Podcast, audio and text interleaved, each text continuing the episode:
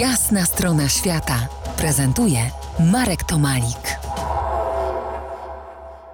Jestem y, w gościnie u Bożeny i Bogusława Chorążych w Muzeum Historycznym w Zamku Sułkowskich w Biesku Białej.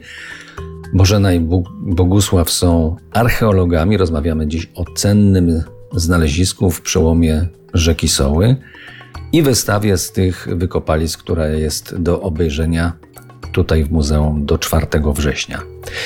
Czy te znaleziska z nadsoły muszą, czy mogą snuć przypuszczenia, że mamy, możemy mieć do czynienia z ważnym szlakiem podróżniczym, komunikacyjnym? Możemy wysunąć taką hipotezę. Niektóre położenie skarbów może świadczyć o tym, że gdzieś w pobliżu przebiegał ważny szlak handlowy czy komunikacyjny. A proszę powiedzieć, skąd dokąd y, mogła prowadzić ta trasa?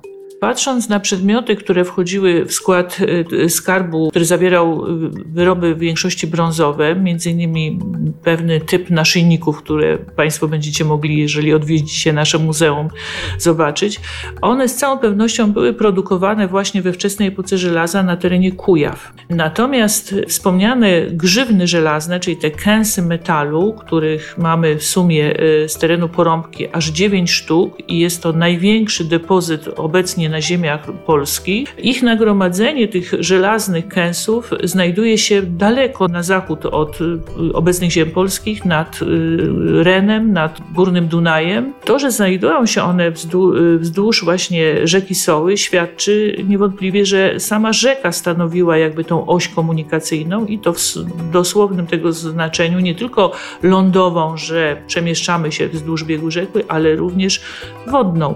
Ja jeszcze wspomnę tylko o tym, jaki mógł być dalszy przebieg tej drogi, bo e, tutaj mówimy o odcinku tylko właściwie soły. Natomiast jeżeli jest prawdą, że grzywny żelazne, o których mówimy, e, rzeczywiście przywędrowały z tak daleka, z obszaru górnorańsko-dunajskiego, to bardzo prawdopodobna wydaje się droga mm, e, Doliną Soły przez Kotlinę Żywiecką.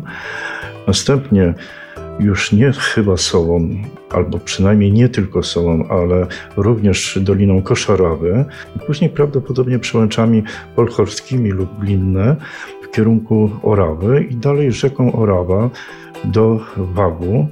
I WAG, proszę Państwa, jest, można powiedzieć, taką autostradą, dzisiaj zresztą komunikacyjną, która prowadzi swoim biegiem do Dunaju.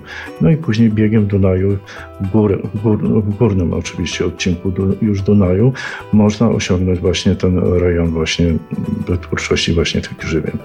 Więc gdyby twierdziło się właśnie takie przypuszczenia, no mielibyśmy do czynienia z dalekosiężnym rzeczywiście wariantem szlaku komunikacyjnego. Dokładnie tak. Potężny szlak komunikacyjny, który wiedzie przez y, dużą część Europy do rozmowy o tamtych czasach, o tamtych szlakach podróżniczych, komunikacyjnych. Wrócimy za kilkanaście minut. Zostańcie z nami. To jest jasna strona świata w RMS Classic.